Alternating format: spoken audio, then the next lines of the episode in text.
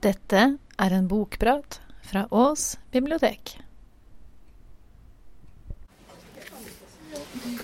Siden du har glemt det, ærede Herre, skal jeg minne deg på det. Jeg er din kone.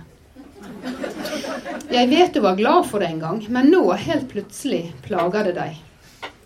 Jeg vet du later som jeg ikke eksisterer og aldri har eksistert, fordi du ikke vil gjøre en dårlig figur blant de kultiverte menneskene du omgås. Jeg vet at å leve i ordnede forhold og måtte komme hjem til aftens, sove med meg og ikke hvem du får lyst til, gjør at du føler deg som en idiot. Jeg vet at du skammer deg over å si Dere skjønner, jeg giftet meg 11. oktober 1962, 22 år gammel. Jeg sa ja foran presten i en kirke i Stella-kvarteret, og det gjorde jeg av ren kjærlighet og ikke fordi jeg var nødt. Dere skjønner, jeg har mine forpliktelser, og hvis dere ikke forstår hva det vil si å ha forpliktelser, er dere dårlige mennesker.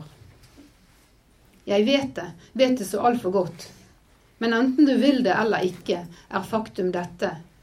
Jeg er din kone, og du er min mann. Vi har vært gift i tolv år. Tolv år i oktober. Og vi har to barn. Sandro, født i 1965, og Anna, født i 1969. Må jeg vise deg attestene for at du skal ta til fornuft? Ja, dere kan le, dere. Dette er første side i denne boken, 'Bånd', Domenico Stagnone. En bok fra 2018. Det er utgangspunktet for denne fortellingen. Aldo, 34, er reist fra sin kone og sine to barn fordi han har funnet en annen. Eller det er ikke det han sier til Wanda, sin kone. Han sier 'jeg har vært med en annen'. For han vil ikke innrømme ikke engang for seg sjøl, at han er blitt vilt forelsket i Lydia, 19 år og student. De første 27 sidene i boken de er brev fra Wanda til Aldo over en periode på fire år. Og da følger vi, da følger vi Wanda sin frustrasjon og stadig økende raseri over at Aldo ikke vil svare på noen av de spørsmålene hun stiller. Han vil rett og slett ikke forklare noen ting. Um, han vil ikke forklare hvorfor han gikk, hva det var som satte det i gang. Han vil ikke forklare om han er glad i sin kone fremdeles. Han vil egentlig ikke bare ikke si noen ting. Han henviser litt til barndommen sin. Han hadde en ganske vanskelig barndom fordi at forholdet mellom foreldrene var veldig anstrengt. Og spesielt faren var, hadde sine egne problemer som slo liksom ut i hele familien. da. Men spesielt i forholdet til konen. Altså faren og moren var stadig i konflikt. Sånn at faren var ikke noe spesielt god rollemodell eh, når, han, når Aldo sjøl skulle lære å bli far. Men likevel.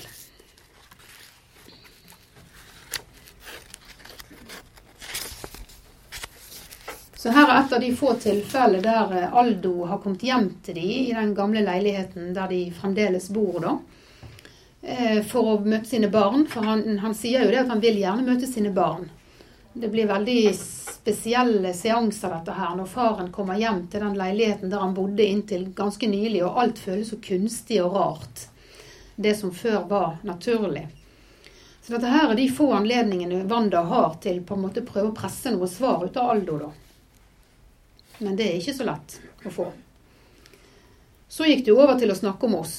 Forklarte at gjenferdet av den ulykkelige mannen som gjorde alle rundt seg ulykkelige også, fremdeles plaget deg.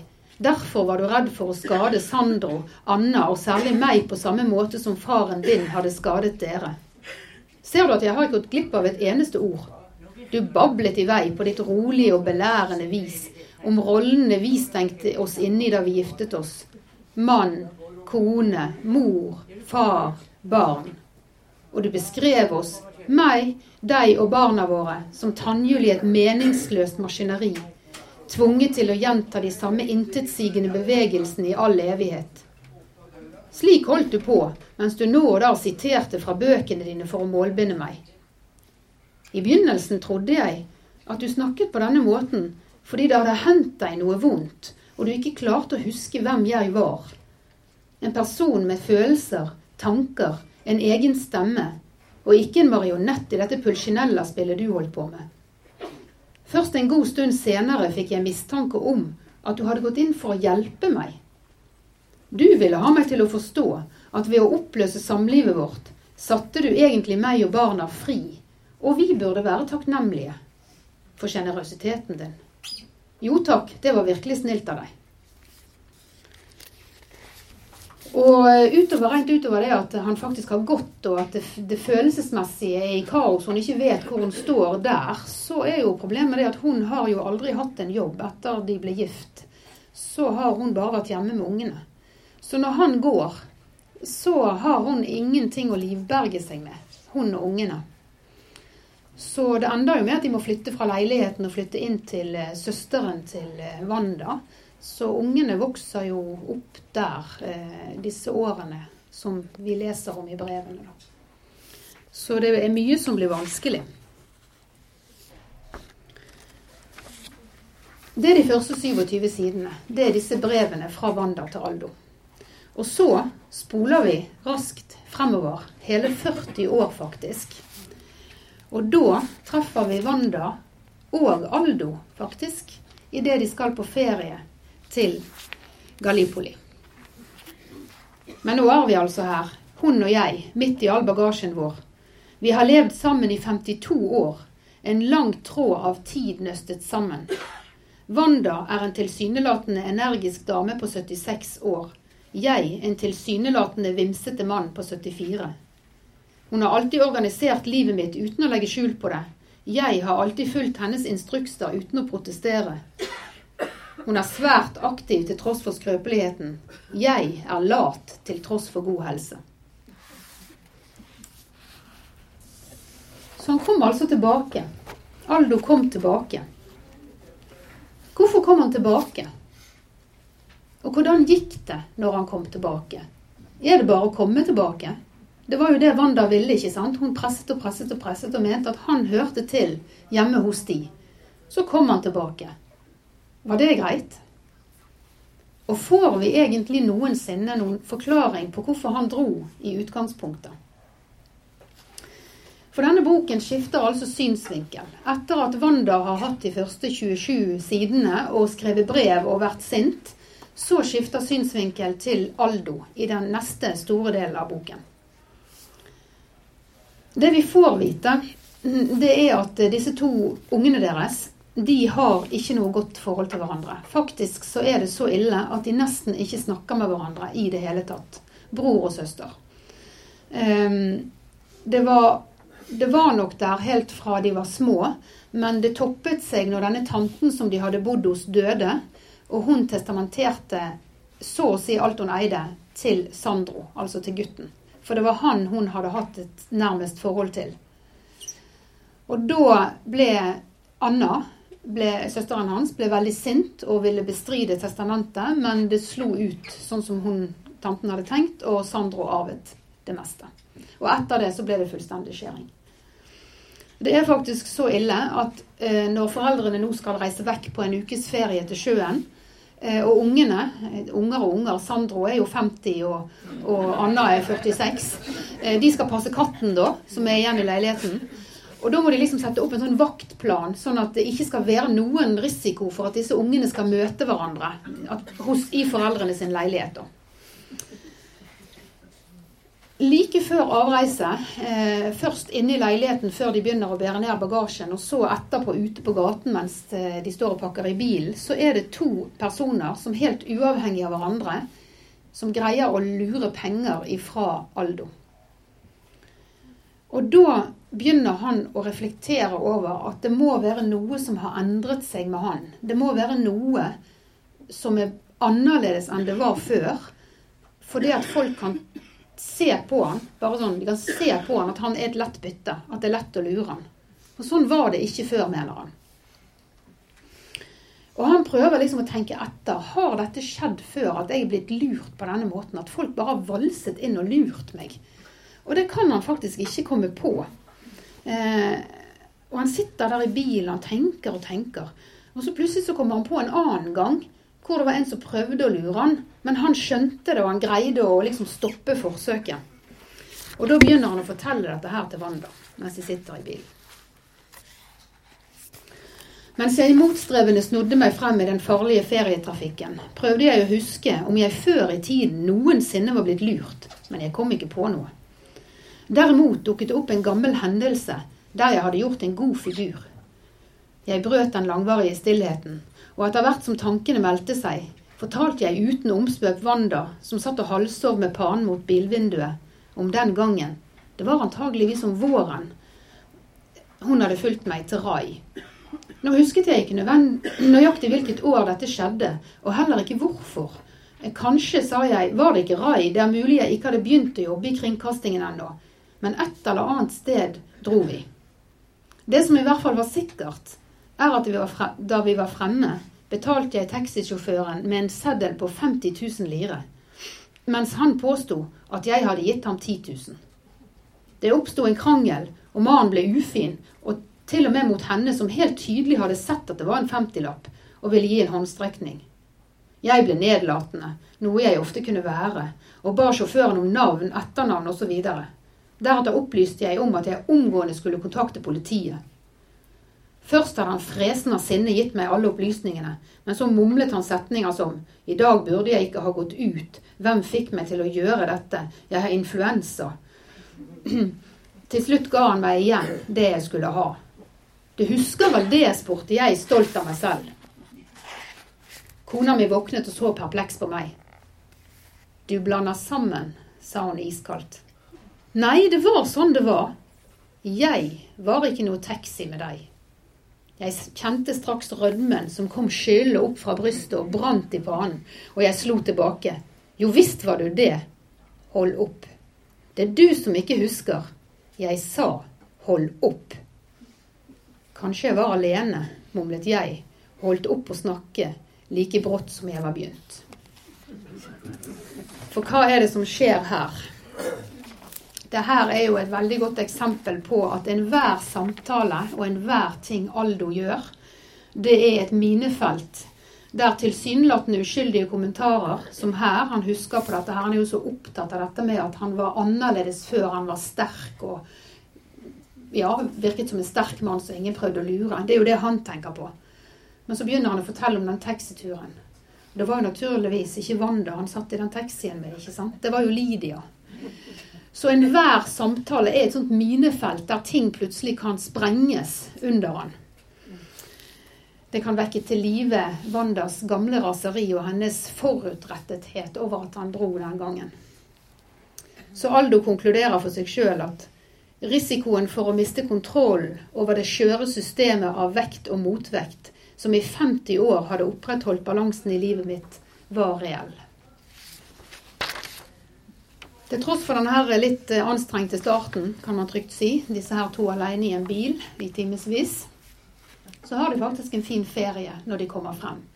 Hotellet er bra, maten er bra, og og Wanda er jo en påståelig og sterk dame, så hun greier å sikre de sånn solstoler nede på stranden hver dag. Aller fremst den beste plassen.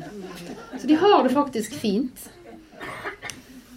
Men når de kommer hjem eh, og parkerer bil ute i gaten, og de begynner å bære inn koffertene, så ser de at noen har brutt seg inn i leiligheten deres. Og de har totalt rasert hele leiligheten. Møblene er endevendt, og hyller og klesskap er tømt, og det ligger nipsgjenstander knust, og speil henger på skrå, og alt er bare rasert. Um, de kan ikke se at det mangler så mye. Selv noen penger som var i en skuff, og noen smykker som lå der, de er der faktisk. Men det som er helt forferdelig, det er det at katten er vekke. Når du kommer hjem sånn som dette, til en totalt rasert leilighet der du har bodd lenge, eh, så er det jo selvfølgelig for disse to med dette som har skjedd, da, med hvem er det som har vært inne der, og hva har de tatt. Men det man òg kan begynne å tenke på i en sånn situasjon, det er eh, Er det noen papirer som helst ikke burde vært tatt frem fra sitt gjemmested?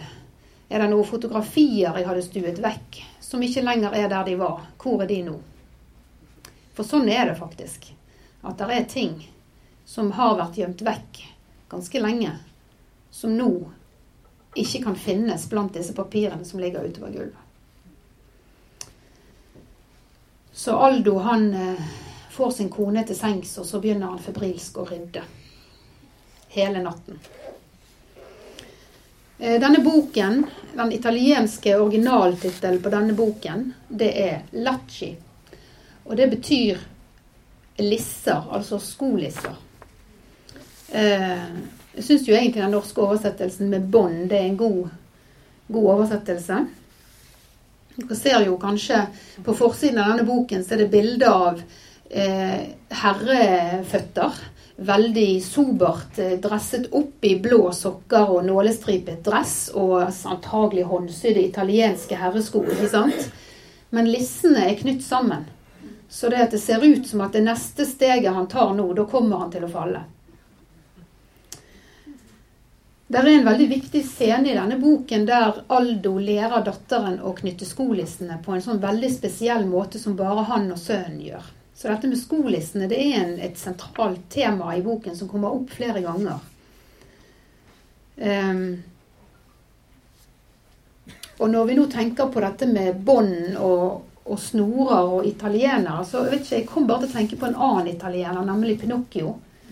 Husker dere denne scenen som de pleide å vise til jul i denne Donald-kavalkaden? Der er en scene fra Pinocchio-filmen. Pinocchio var jo en tredukke som var levende. Geppetto, han snekkeren, han ønsket seg så inderlig en sønn. Så på magisk vis, når han hadde laget denne dukken, så kom der en fe og gjorde dukken levende.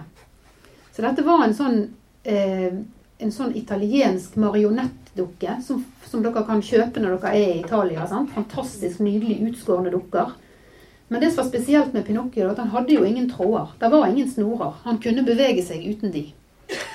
Og da er det en scene fra denne filmen om Pinocchio der eh, han danser sammen med et sånt dukketeater, sånne marionettdukker som virkelig har tråder.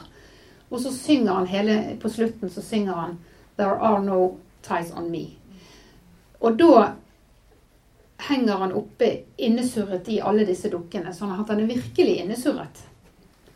Men det var jo sant for Pinocchio at egentlig så kunne han bevege seg uten tråder. Bare han ikke surret seg inn i disse andre dukkene og lot seg binde av deres tråder. Og sånn er det vel egentlig vi får inntrykk av at Aldo føler seg. ikke sant? At egentlig så kunne han være fri, men han har rotet seg bort til disse andre, og nå henger han der. I deres tråder, i deres bånd. Og da er jo selvfølgelig spørsmålet om bånd, om det alltid er av det onde.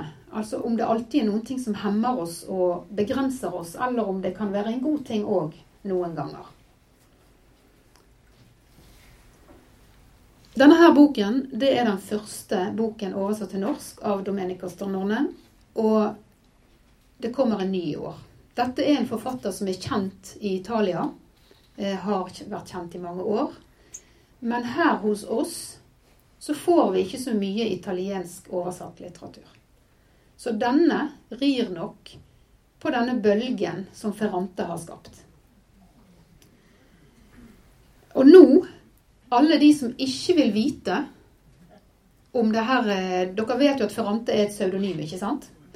Eh, det har vært gjort stadige forsøk på å finne ut hvem Ferrante egentlig er. Så de av dere som ikke følger med på det, eh, og som ikke vet eh, hva som skjedde.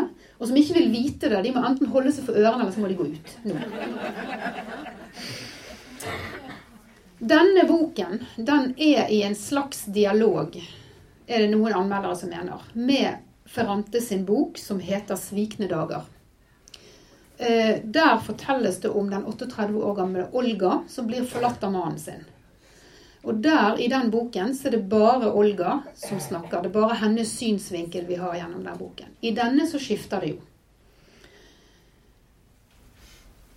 Det var en italiensk journalist som heter Claudio Gatti, som i 2016 fikk det for seg at han skulle finne ut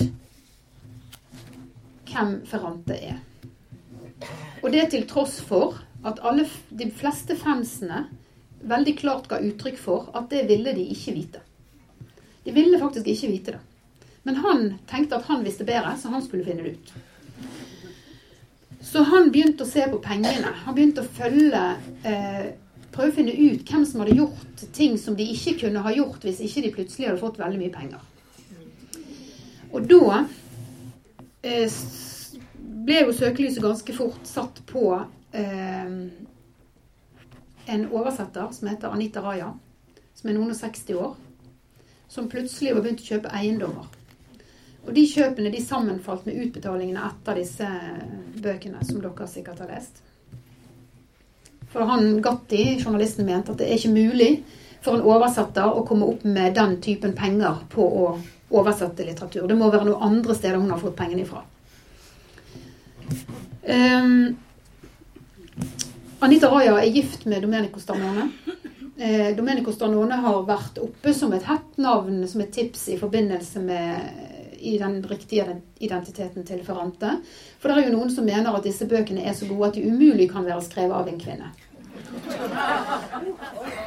Um, det er òg et annet sterkt indisium. Eh, og det er det at en del av de biografiske opplysningene som Ferrante har gitt til journalister om, om sitt liv og sin oppvekst, de stemmer ikke med Anita Raja, men de stemmer med Starnone. Det er, så vidt jeg kunne finne ut, ikke bekreftet. Det er ingen fra forlaget som har gått ut og sagt ja, Anita Raja er Ferrante. Um, hun har ikke sagt det sjøl. Så der står det. Det som har skjedd i etterkant, er at det har kommet en stor mengde med veldig frustrerte utfall mot journalisten. Uh, der folk sier at dette er virkelig ikke nødvendig. Uh, Ferrante har hele tiden sagt at det som er hennes plikt, hvis hun har en, det er å skrive bøkene og gi dem til publikum. Hun har ikke noe plikt, sånn som hun ser det, til å komme med biografiske opplysninger og i hvilken grad eh, hennes eh, virkelige liv er, fins i, i, de bøkene. Det er ikke en plikt hun har som forfatter. Hun har heller ikke noe plikt, mener hun, til å møte opp på Skavlan og alle sånne steder og snakke om seg sjøl og bøkene sine. Hun har bare én ting hun skal gjøre, og det er å skrive bøkene og gi dem til oss leserne. Og det er det faktisk, faktisk veldig mange som er enig i. Og dette her er i en tid hvor vi er vant til å slå opp på Instagram og Facebook og Snap og ikke vet jeg hvor, og vite hva både kongelige og fotballspillere og skuespillere og hva de spiser til frokost og hvor de skal på ferie og alt, ikke sant. Så er det faktisk noen som mener at det er litt deilig å ikke vite. Det, det gir oss ikke noe mer enn det bøkene gir. Så um, som sagt, det kommer en bok til av Domenico Stanone i år. Eh, vi har nok ikke sett slutten av denne her Ferrante-identitetssaken ennå. Eh, og hva vi mener om dette, om forfatterne har rett til å være anonyme, rett til å skjule seg bak pseudonymer. Det kan vi jo tenke det vi sjøl vil om. Men det er en interessant problemstilling i 2019, syns jeg.